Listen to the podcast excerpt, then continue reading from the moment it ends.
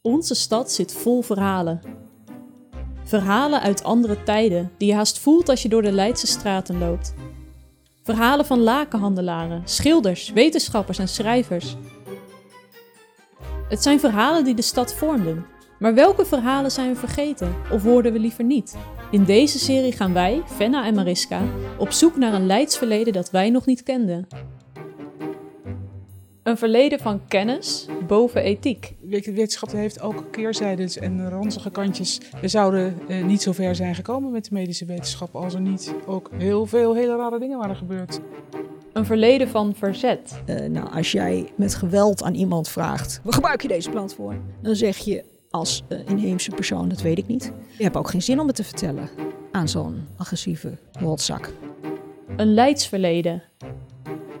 Een Leidse erfenis.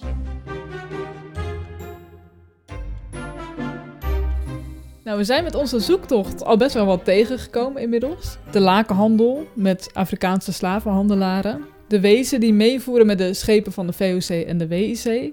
Leidse plantage-eigenaren en het verhaal van Jacobus Kapitein natuurlijk. Hij werd als het ware ingezet door de Leidse wetenschap om de slavernij te verdedigen. En dat deed me nog denken aan iets waar Carwan ons op wees tijdens het begin van onze zoektocht. Maar vervolgens, en dat is misschien ook nog wel interessanter, is dat Leiden natuurlijk een belangrijke plek voor kennisproductie was en is. En dat die kennisproductie belangrijk was voor het in stand houden van zo'n koloniaal rijk. Dus Leiden als belangrijke plek van koloniale kennisproductie. Ja. Ik heb dan gelijk best wat vragen, want hoe kwamen Leidse wetenschappers aan kennis uit de koloniën? En hoe profiteerden ze van die kennis? En hoe werd die kennis vervolgens gebruikt? Ik heb hier weer de gids Sporen van de slavernij in Leiden voor mij. En ik lees hier over Museum Boerhaven. En daar staat wel iets interessants. Namelijk, een van de meest opmerkelijke collecties van het museum bestaat uit een aantal geconserveerde foetussen uit de 18e en 19e eeuw, waarvan verondersteld wordt dat er acht van Afrikaanse afkomst zijn. En dat stuk sluit af met de beschrijvingen in de museale catalogisering luiden zwart, heel zwart, niet heel zwart, Afrikaans, Hottentot en Aziatisch. Kolonialer kan haast niet. Nee, inderdaad, dat idee krijg ik er ook bij. En ja, ik denk dan, hoe komen die foetussen nou terecht in een museum over wetenschap? En waarom die onderverdeling in huidskleur en afkomst? Ja, en wat moesten die wetenschappers hiermee? Ik denk dat dit wel aansluit bij wat Carwan zei over Leiden als stad van koloniale kennisproductie. Ja, dat denk ik ook. Nou, we mogen langskomen bij Museum Boerhaven, dus uh, we kunnen dat gewoon gaan vragen.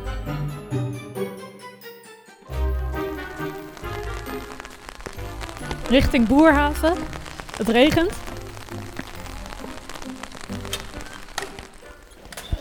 Dag, we hebben een afspraak met Christel.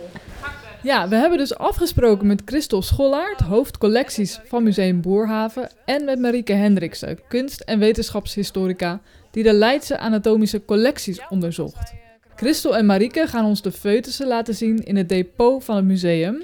Maar ja, dat depot, dat bleek dus niet bij het museum te zijn. Hey, Bedankt. Christel, je- ben jij op de raamsteeg?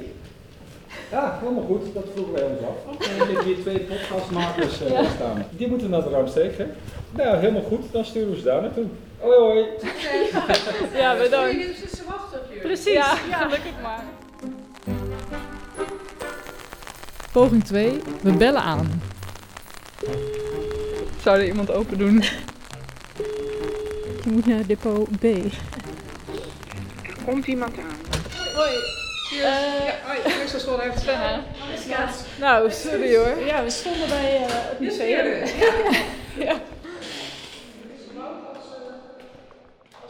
We lopen door de lange gangen van het depot van Museum Boerhaven. Vroeger trouwens het depot van Naturalis. En we zijn dus op zoek naar de foetussen. We staan hier in het depot van Rijksmuseum Boerhaven. En eh, dit is de plek waar alle eh, museumstukken worden bewaard die niet in de tentoonstelling staan. Wat zien we eigenlijk allemaal om ons heen? Nou, van alles hier staat een model van een molen, een globe en hier staan Leidse flessen. Ik zou even, Oh, ook even ja. naar de maansteen willen wijzen. Een maansteen, die ligt, liggen ook niet overal. Dat is een bijzonder object. Dat is een bijzonder object, ja. Die heeft eh, koningin Juliana gekregen van eh, president Nixon. Die heeft naar alle toenmalige staatshoofden een maansteen gestuurd. En eh, zij heeft hem aan ons gedoneerd. En tussen die maansteen, globes, Leidse flessen en modellen van molens zien we ook een vrij normale archiefkast. Alhoewel, Dit is een plofkast.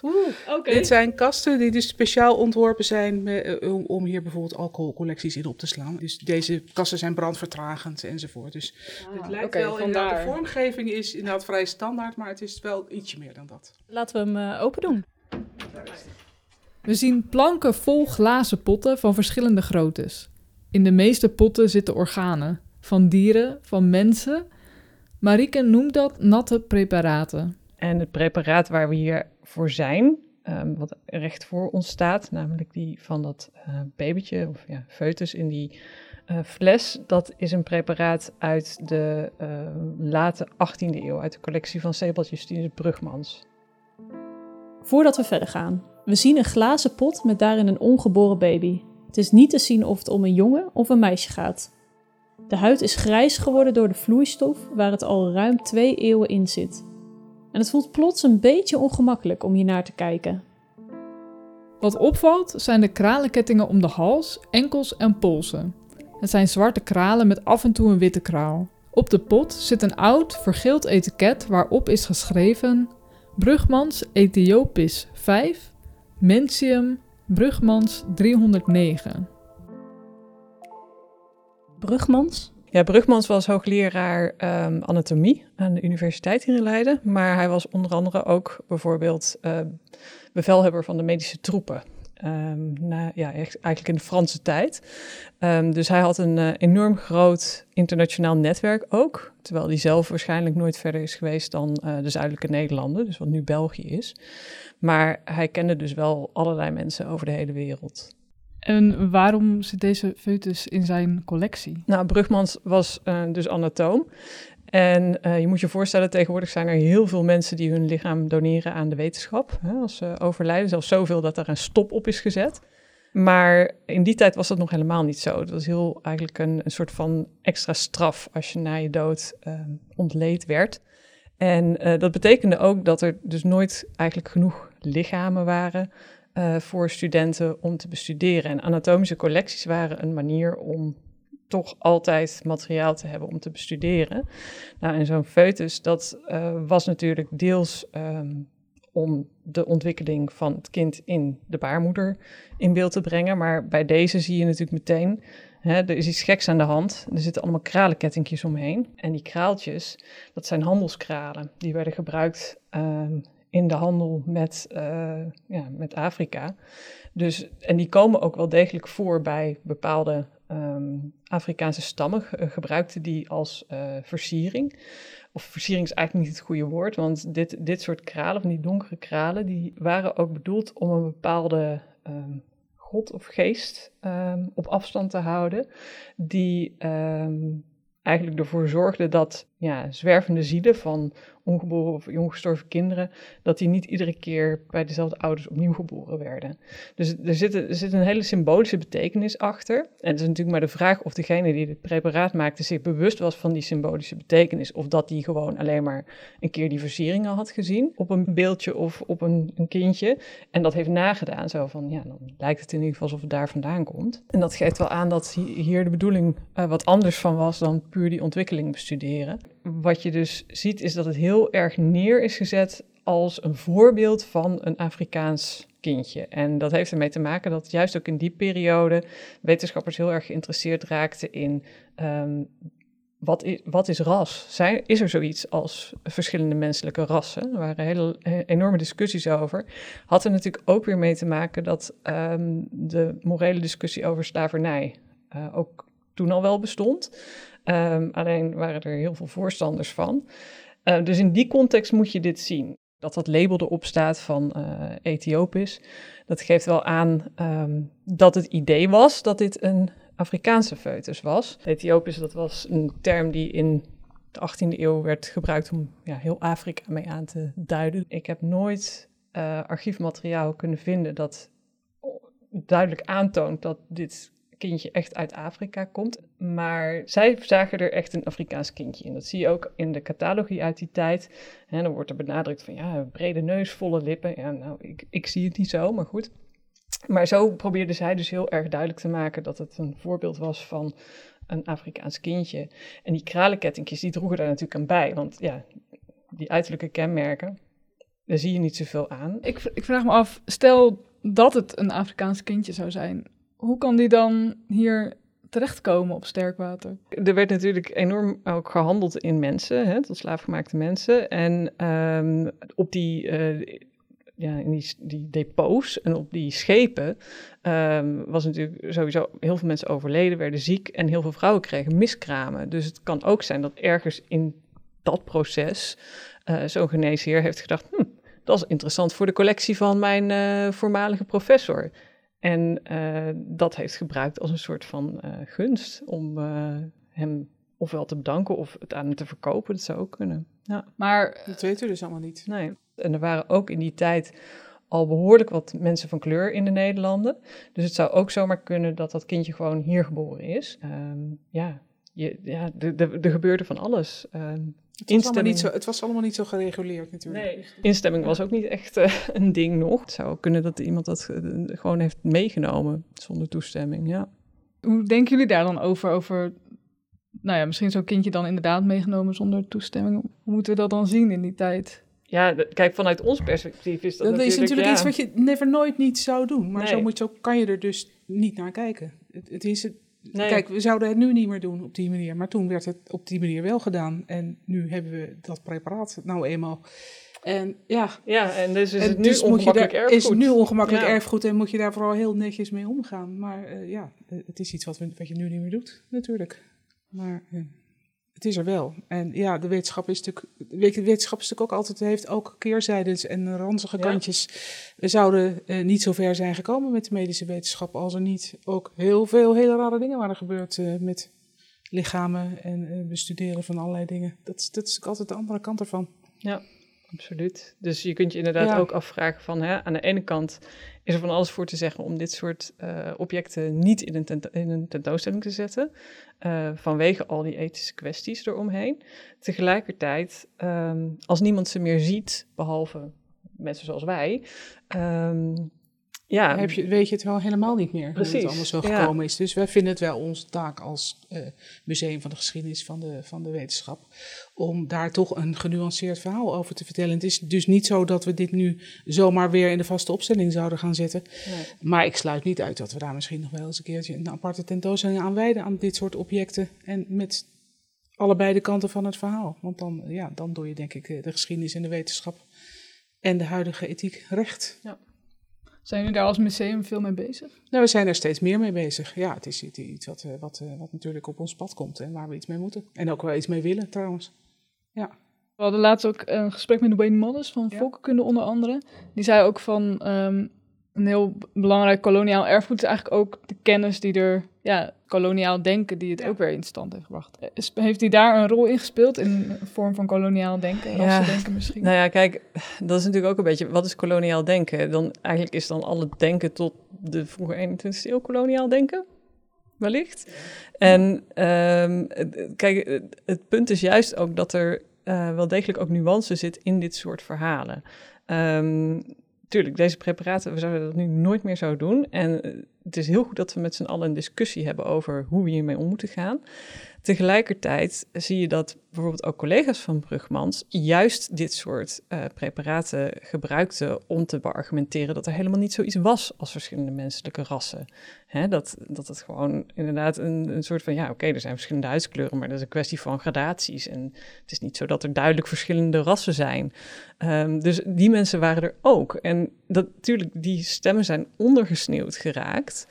Um, maar ja, het is wel ook ja, hoe dus eigenlijk ja, wetenschap en kennisproductie vaak werken. En juist omdat je je daarvan bewust wordt, daarom is het ook belangrijk om dit soort verhalen te blijven vertellen. En je kunt inderdaad ook niet zeggen van, oh ja, maar dan gaan we niks meer gebruiken wat door ehm, koloniale structuren tot stand is gekomen, want dan houden we ook heel weinig over.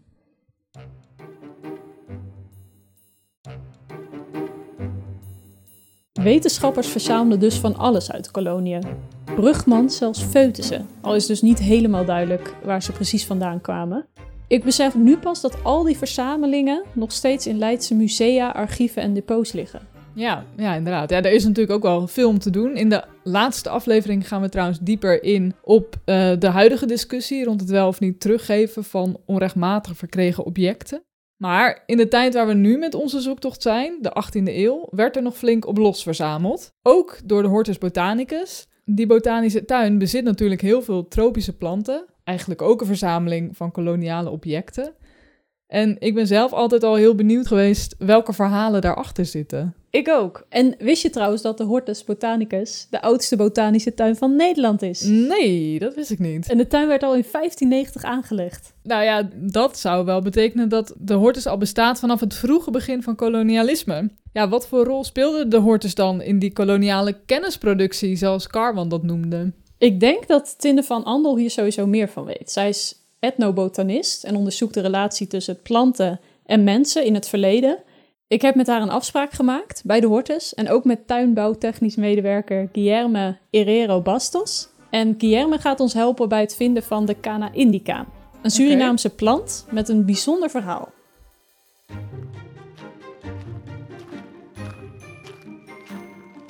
Terwijl Tinde zich aan ons voorstelt, lopen we naar de kassen toe waar Guillerme aan het werk is. Ik ben opgeleid als bioloog, als tropische ecoloog eigenlijk. Maar ik vond de tropische planten het leukste. Maar tropische planten vind ik alleen ook nog een beetje saai. Dus ik vond het altijd leuk als mensen er een verhaal bij hebben. En met name de verhalen die nooit opgeschreven zijn. Dit zal Guillermo zijn, want hij heeft een hortus shirt aan. Ja? Hallo, ben jij Guillermo? Vast. Ja, ja hi. Hoi. De podcastmakers. Voor we onze zoektocht beginnen naar de Cana Indica, vertelt Tinde ons over de Hortus botanicus in de 18e eeuw. In de 18e eeuw was het wereldberoemd, net als nu. Uh, daar gingen mensen uit uh, nou ja, heel West-Europa, kwamen hier naartoe om uh, hier hun vakken te volgen. Linnaeus kwam uit Zweden, Breine kwam uit Polen, Johannes Barts uit Duitsland. Dat was het, het, het, het, middelpunt van de, van de wetenschap. Maar je ziet de koloniale geschiedenis, de, de, de tuinen, zowel Leiden als Amsterdam, die deden dan echt een beroep op de Oost- en de West-Indische Compagnie. Van die nieuwe kolonie die jullie daar hebben, neem eens wat leuke zaden mee. Ja. Want die willen wij hier tentoonstellen. En zo werden ook zaadjes van de plant die we zoeken, de Cana indica, in 1687 opgestuurd naar de Hortus. Tinde twijfelde trouwens nog even of die plant nog wel echt in de Hortus te vinden is. Ja, omdat ik, ik keek op de Garden Explorer en daar staat hij niet in. Dus ik, ik dacht, um, jullie vinden hem niet leuk meer. omdat het gewoon een, een stomme intratuinplant is geworden. Maar ja. ooit was het een hele belangrijke, spannende plant uit Suriname. Die hier naartoe is gestuurd. En toen was de baas van de Hortus heel erg blij van uh, deze mooie Canna indica. Want die was uh, als zaad opgestuurd uit Suriname. En hij was hier uitgegroeid. En ze konden hem tekenen. Paul Herman, de baas, die heeft opgeschreven... Ik ben zo blij met dit, deze prachtige bloem. Opgekweekt uit het zaad van Canna americana, zegt hij dan. Opgestuurd door ene Hendrik Meijer uit Suriname. Okay. En toen dacht hij dat het een sierplant was. Maar in Suriname werd hij voor iets anders gebruikt. Maar dat zal ik zo uitleggen. Okay. Onze zoektocht naar de Cana Indica gaat via de toeristische tropische route. Even kijken, ja, ik dacht opeens, uh, misschien is het niet zo goed voor de apparatuur. Het volgt, maar de, het regent niet binnen. Nu wordt het wel heel heet. Eenmaal binnen in de kas raken onze sprekers niet uitgepraat over de vele verhalen van andere planten met een koloniaal verleden. In Suriname bekend als taaierblad. Is dit, is, dit, is dit de colocasia of de Santosoma? Dit is een alocasia. Alocasia. Goed. Ja, nee, dit, dit is niet, te, ehm, niet te eetbare. Ja. Taro, hebben jullie dat? Taro, colocasia esculenta? Ja, oh, dat vind ik wel leuk om te zien.